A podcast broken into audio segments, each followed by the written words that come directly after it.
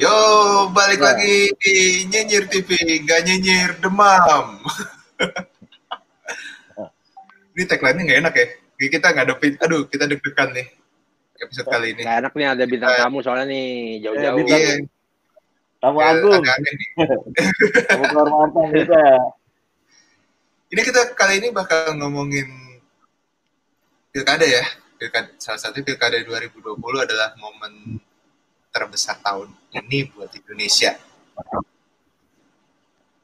Karena semuanya dilakukan pilkada serentak untuk pemilihan kepala daerah. Kita udah sama Mas Widi nih dari tim sesnya Mas Gibran untuk pilkada Solo. Halo Mas Widi. Halo. Salam dari Solo. Oh, salam dari Solo. Yo, sabi-sabi. Ya. Sama eh bener jawab sami-sami ya. Gua enggak bukan gua enggak salah nih salah ngeri salah salah jawab nih. Iya. Sami-sami. Santai aja, Bro. Solonya ngendi, Mas? Solonya Banjarsari. Oh, Banjarsari. Banjarsari, mantap. Oke, oke. Ini buat penonton yang mau tanya jawab, monggo ya. Kita ada di comment section, kita tanya jawab gitu kan. Sebelumnya kita tanya-tanya dulu nih. Siapa yang mau mulai dulu nih? Dit, apa Toto lu mau siapa yang mau mulai duluan? Bos Toto dulu lah. Menyenangkan. Kita sama bro. Kita sama semua bro. Oke, okay, yeah. Berat. Ini setahu saya nih Mas Widi ini ahli nih di bidang politik juga. Oh ya, Mas Widi juga ahli di hukum ya. Dia juga aktif di hukum juga ya, di lawyer ya. Jadi, eh, nah ini kita balik ke Solo. Gimana nih Pilkada Solo rame banget nih kayaknya ya, Mas. Kayaknya yang paling disorot media nih. Bau-baunya. Paling, paling disorot sama media ya di Solo ya. Iya. iya. Saya kira juga sekarang jadi perhatian media. Hmm. Hmm. Jadi jadi perhatian media ya. Dan ya. Koreanya kayaknya seru dibanding daerah-daerah lain ya. Kalau kita lihat. Ya, di sini slogannya berjuang dengan gembira. Oh. Apa pun yang dikerjakan Mantap. harus dengan, dengan hati yang gembira, ya kan? Benar benar. Yang ya, penting, kalau gembira kan imun tubuhnya naik. Ya. oh iya. Apalagi di masa kayak sekarang ya mas. Iya betul. Jadi ya. gini nih mas, saya mau tahu nih, kira-kira visi misinya apa nih buat pilkada tahun ini nih? kalau boleh tahu? Kalau di Solo sendiri juga tentu masalahnya banyak ya. Tetapi dengan adanya pandemi COVID ini, pandemi virus corona ini, ya saya kira semua juga jadi berubah.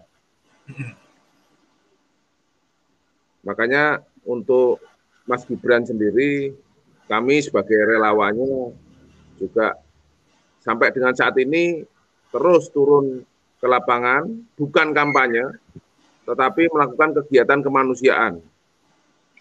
Mulai dari membuat dapur umum, pembagian masker, semuanya kita lakukan di di lapangan itu fokusnya adalah uh, pandemi COVID dan pemulihan ekonomi. Betul betul karena uh, kemanusiaan itu di atas segalanya ya Mas ya tetap. Iya jadi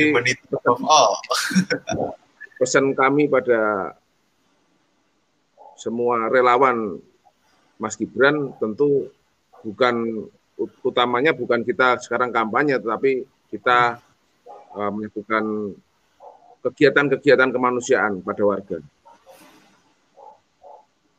Keren, keren, Mas. Kalau di Solo sendiri sekarang uh, visinya yang kita ambil, visi dari Mas Gibran adalah uh, menjadikan Solo kota yang tang kota budaya yang tangguh, kreatif, gesit dan sejahtera.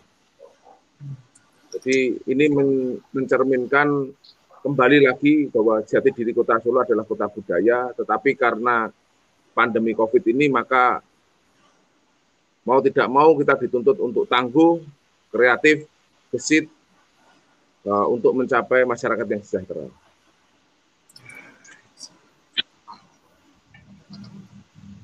Berarti Mungkin anyone yang mau jawab? Boleh. mau nanya ya, tantangan terberatnya apa nih Mas Widi untuk di Solo nih? Saya kira ya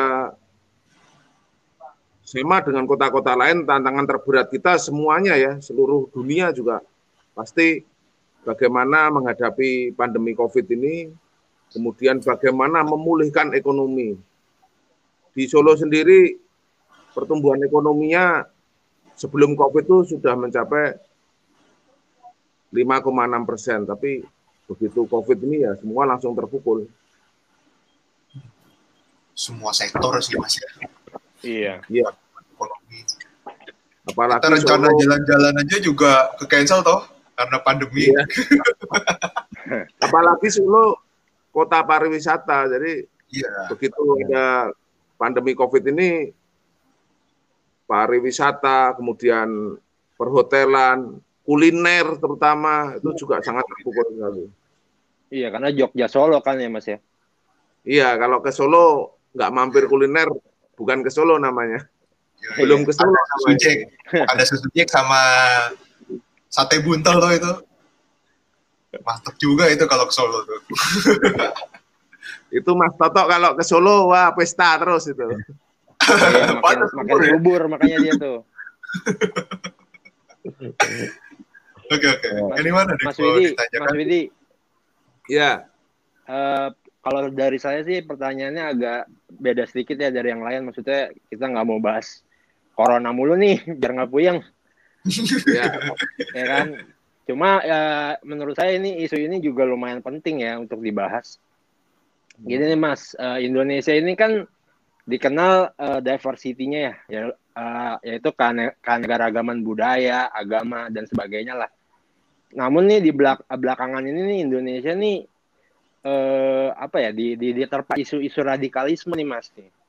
Yang akhirnya nih esensi esensi kita dalam bernegara, dalam bersosialisasi eh, itu jadi nggak kompak lagi nih. Nah kira-kira apa sih langkah Mas Gibran nih kalau kepilih jadi wali kota Solo buat apa eh, agar eh, mencegah hal-hal tersebut lah gitu, agar bisa menyatukan lagi nih esensi-esensi eh, Indonesia yang sebenarnya gitu.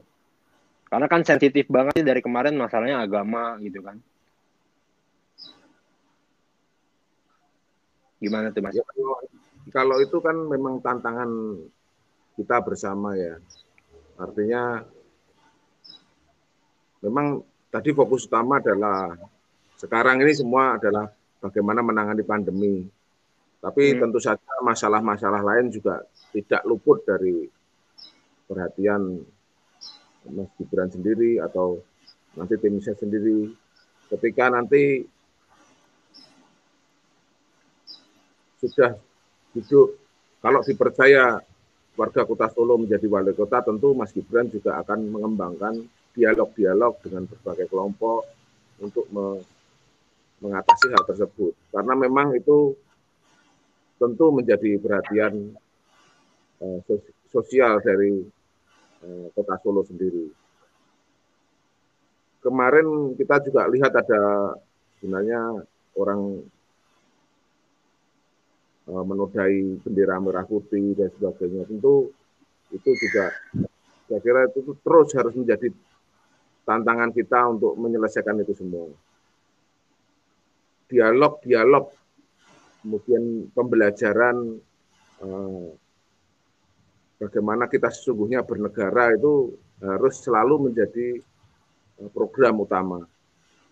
Saya kira itu tidak boleh ditinggalkan bagaimana kita memberikan pembelajaran-pembelajaran itu dan dialog-dialog harus terus dimunculkan. Dialog dengan berbagai kelompok karena saya kira semua setuju ya. Jadi eh, akar-akar dari radikalisme, terorisme itu kan sebenarnya akses terhadap kesenjangan ekonomi. Ya itu yang harus kita munculkan terus. Kita selesaikan akar masalahnya. Ya agar Indonesia bisa kembali sejuk lagi nih Mas. Soalnya kan dari kemarin isunya apa sensitif sekali ya kan. Iya. Ya, kemarin kita lihat ada berbagai kerusuhan, kemudian Ya. radikal. Kendari ya. Tentu ada se- selalu ada kepentingan kelompok-kelompok ya yang sebenarnya me- mendasari atau melatar belakangi hal-hal seperti itu. Harusnya kita sudah selesai 75 tahun merdeka harusnya sudah selesai dengan Iya, permasalahan itu. Tapi ternyata kan tidak. Jadi ya tetap harus itu kita kita selesaikan dengan dialog-dialog. Dengan Oh. komunikasi yang baik tentunya Mas ya. Ya, jadi dialog antar berbagai kelompok karena kan saya kira mereka punya juga eh, apa ya unek-uneknya yang harus disampaikan. Akar masalahnya harus terungkap gitu loh. Jadi bukan hanya permukaannya, permukaannya bahwa eh, ada radikalisme, ada kekerasan dan sebagainya, tetapi akar masalahnya apa itu itu yang harus diungkap lewat dialog-dialog tadi. Betul, betul. Ya. Gimana ada yang mau ditanyain lagi? Ini netizen kalau ada yang, kalau yang nonton mau tanya-tanya boleh loh di comment section. Ntar kita Hmm. tampilin. Boleh. Kalau aku nanya ya, kalau ini kalau boleh tahu masyarakat di Solo itu demografi demo, demografinya itu seperti apa ya? Di Solo sendiri, Mas, Mas Widi. Kita mesti tahu Medan nih kalau mau maju. Iya, kalau masyarakat di Solo sendiri Demografi. Demografi di, di Solonya, Mas. saat- ya, Iya. penduduk di Solo ya Masyarakat. sekitar 570 ribu dan Solo sendiri itu kotanya juga eh, kota yang ditopang dari sekitarnya ya. Jadi eh, di sekitar Solo itu adalah kabupaten, sehingga eh, Solo sebagai kota modernnya yang di tengah gitu. Karena Solo sebagai kota transit, maka sebenarnya wilayah kota Solo itu di, banyak dihuni oleh orang-orang yang eh, bisnisnya lebih pada tadi pariwisata, pengembangan budaya.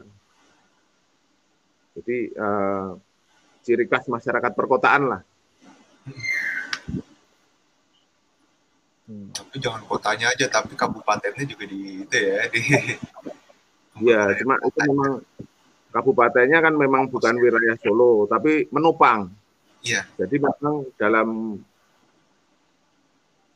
dalam perencanaan dan strategi Solo sendiri juga nanti harus bekerja sama dengan wilayah-wilayah sekitar, yaitu kabupaten kabupaten kabupaten di Solo yang sebagai penyangga. Karena memang Solo kayak makanan aja atau sumber daya air kita masih masih dibantu oleh kabupaten-kabupaten sekitar, yaitu terutama Klaten, Boyolali, Sragen, Sukoharjo, Wonogiri, Karanganyar, itu adalah wilayah-wilayah penopang kota Solo. Nah, ini man, ada yang mau nambahin? Tanya jawab? Ada yang mau tanya-tanya? Berarti modelnya sama ya kayak Tangsel di apa? Di Sama Jakarta. Jakarta. Kayak gitu kali toh ya. Iya. Ya, jadi ya kalau bisa di, diumpamakan ya Jakarta dengan Bekasi, Tangsel, Iya. Tangerang, kota Tangerang. Kan jarang kita melihat ada sawah di Jakarta gitu loh. Sama juga. Di udah nggak ada. Mas. Lapangan bolanya udah susah sekarang, Mas. Iya. Susah carinya. Kita Iya. harus ke pinggiran lah. Ya. Eh, Mas Widi, Ya, ini eh, kira yang udah dilakuin relawan apa aja nih untuk Mas Gibran nih? kalau relawan sendiri kita kan sebenarnya sudah bergerak buat memenangkan Mas Gibran su- sudah sejak tahun lalu ya sudah di, saya saya sendiri aja dari Desember sudah ikut Mas Gibran belusuan Desember Januari jauh sebelum pandemi. Tapi ketika pandemi COVID-19 ini uh, melanda Indonesia, melanda Kalau kota relawan sendiri kita kan sebenarnya sudah bergerak buat memenangkan Mas Gibran itu sudah sudah tahun lalu ya. Sudah. Saya saya sendiri aja dari Desember sudah ikut Mas Gibran di Desember Januari jauh belum pandemi. Tapi ketika pandemi COVID-19 ini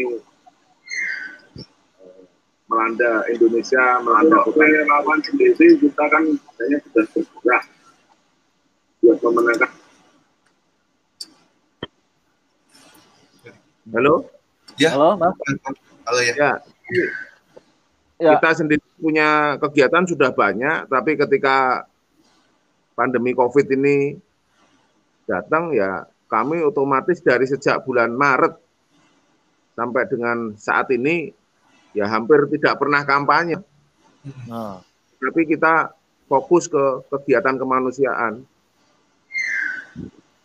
Kita Edo. kemarin uh, sama Mas Gibran, Mas Gibran sendiri banyak motor bikin dapur umum untuk warga, uh, kemudian relawan juga membagikan masker, kemudian penyemprotan desinfektan, pembagian disinfektan, semuanya kita lakukan tidak dalam kerangka kampanye tapi dalam kerangka kemanusiaan. Jadi bagi kami relawan Mas Gibran juga fokus utamanya adalah eh, kampanye eh, kemanusiaan. Jadi aksi kemanusiaan, aksi ya, kemanusiaan, ya. aksi kemanusiaan, eh, kampanye kemanusiaan untuk penggunaan masker, kemudian terus kemudian ada juga donor darah kemarin ya, habis dari kejadian di Beirut itu juga kita lakukan uh, aksi donor darah di Solo. Dan kemungkinan besar juga sampai ke depan sampai Desember ya kita akan isi kegiatan-kegiatan relawan Mas Gibran ya dengan kegiatan-kegiatan aksi-aksi kemanusiaan. Fokus kita selama kampanye ini juga lebih pada kegiatan-kegiatan kemanusiaan itu. Oh, iya, Tapi untuk angka COVID di Solo sendiri sekarang gimana Mas? Udah menurunkah atau masih segitu-segitu aja? Karena Jawa Tengah ini masuk zona merah ya? Iya. Masalah. Iya, karena di Solo sendiri juga ya kami prihatin ini naik terus angkanya. Cuma ya kami masih bersyukur kegiatan ekonomi di Solo masih masih jalan gitu. Saya kan dengar dari kawan-kawan saya di kota-kota lain itu banyak yang kegiatan ekonominya terpukul. Di Solo juga uh, terpukul, cuma kita masih beberapa sektor masih bisa jalan. Tapi yang jelas sektor pariwisata uh, sangat menurun, kemudian perhotelan, kuliner biasanya kan kalau ke Solo semuanya kuliner, wisata ya ini sementara ya dibatasi semua. Hmm. Saya kira ini benar. Jadi pemulihan ekonominya juga jalan bersama dengan pemberantasan COVID-nya. Itu harus hmm. berjalan bersama, beriringan. Beriringan ya. Iya, ya. Eh, Mas, ini kan uh, logonya Mas Gibran ini kan uh, motonya itu kan lompatan jauh ya, lompatan jauh untuk anak muda, uh, apa lompatan jauh. Ini Pak Jokowi kita tahu sendiri kan 10 tahun ya di apa di di Solo ya, mimpin Solo. Ini apakah dengan dengan Pak Jokowi ini sama Pak Mas Gibran ini apakah akan ada sama atau ada perbedaan yang lebih baik? Menurut Mas Widi bagaimana nih? Jadi tadi sudah saya sampaikan tentang eh, visi dan misi Mas Gibran tadi. Visinya tadi adalah menjadikan Solo kota budaya yang tangguh, kreatif, gesit, dan sejahtera. tentunya semua itu tidak eh, tidak kemudian terputus dengan pemerintahan-pemerintahan sebelumnya, yaitu pemerintahan eh, di masa Pak F.E. Hadi Rudiatmo dan Pak Purnomo dan juga pemerintahan sebelumnya lagi adalah Pak Joko Widodo dan Pak F.E. Hadi Rudiatmo. Jadi semuanya nyambung. Jadi program kerja Mas Gibran nantinya, visi dan misi Mas Gibran nantinya tetap nyambung dari sejak zaman Pak Jokowi. Cuma memang sekarang ini tantangannya lebih pada pemberantasan COVID dan pemulihan ekonomi. Hmm. Iya, pemulihan ekonomi sama pemulihan ini ya, soal COVID ini ya. Iya. Yeah. Oke. Okay. Gimana teman-teman ada yang mau tanya lagi nggak, Mas Randi, Joker? Cukup? Dari gue cukup sih. Cukup ya. Cukup jelas dan keren. Lugas, lugas ya. jelas, akurat. Dan sebagai penutup mungkin hmm. ya, ada kalimat-kalimat kami yang memang semuanya mengarah pada bagaimana kota Solo ini nanti nantinya akan kita buat sebagai kota budaya tetapi tangguh gitu. Makanya kemudian kami memakai semboyan sekarang salah etes. Apa tuh? Kalau, etes itu kalau dalam bahasa Jawa itu tangguh gesit gitu. Hmm. Tangguh. Ejan etes, Mas kebetulan, kebetulan karena kata-kata Jawa itu kata-kata Jawa yang berarti etes itu berarti tangguh, makanya kemudian Mas Gibran menamakan anaknya San Etes. Itu kan inspirasi dari kata Jawa tadi. Jadi makanya kemudian uh, etes menjadi uh, ciri khas nantinya Eh, dalam menghadapi Solo dalam menghadapi pandemi COVID ini. ETS ini ETS ini bisa merepresentasikan, bisa mewakili semboyan orang Solo, orang Jawa dalam menghadapi pandemi COVID ini harus bagaimana. Dan ini kita sebut salah ETS karena memang Surakarta ini, kota Surakarta ini aslinya namanya dulunya Desa Salah ya, bukan Solo sebenarnya. Oh. Tapi salah. Solo. Kalau menyebutnya itu Solo, makanya buka sebenarnya aslinya bukan Surakarta, bukan Solo tapi Solo. Makanya kami Sa sebut salah Solo. Solo. Solo. Solo. Solo. Solo. Palingnya bingung kan, bingung, bingung. Bukan Solo, bukan Solo, tapi tulisannya A ya. Tetap tulisannya A, Solo. Salah. Salo. Apa? Salo. Oh, Salo. Oh, Salo.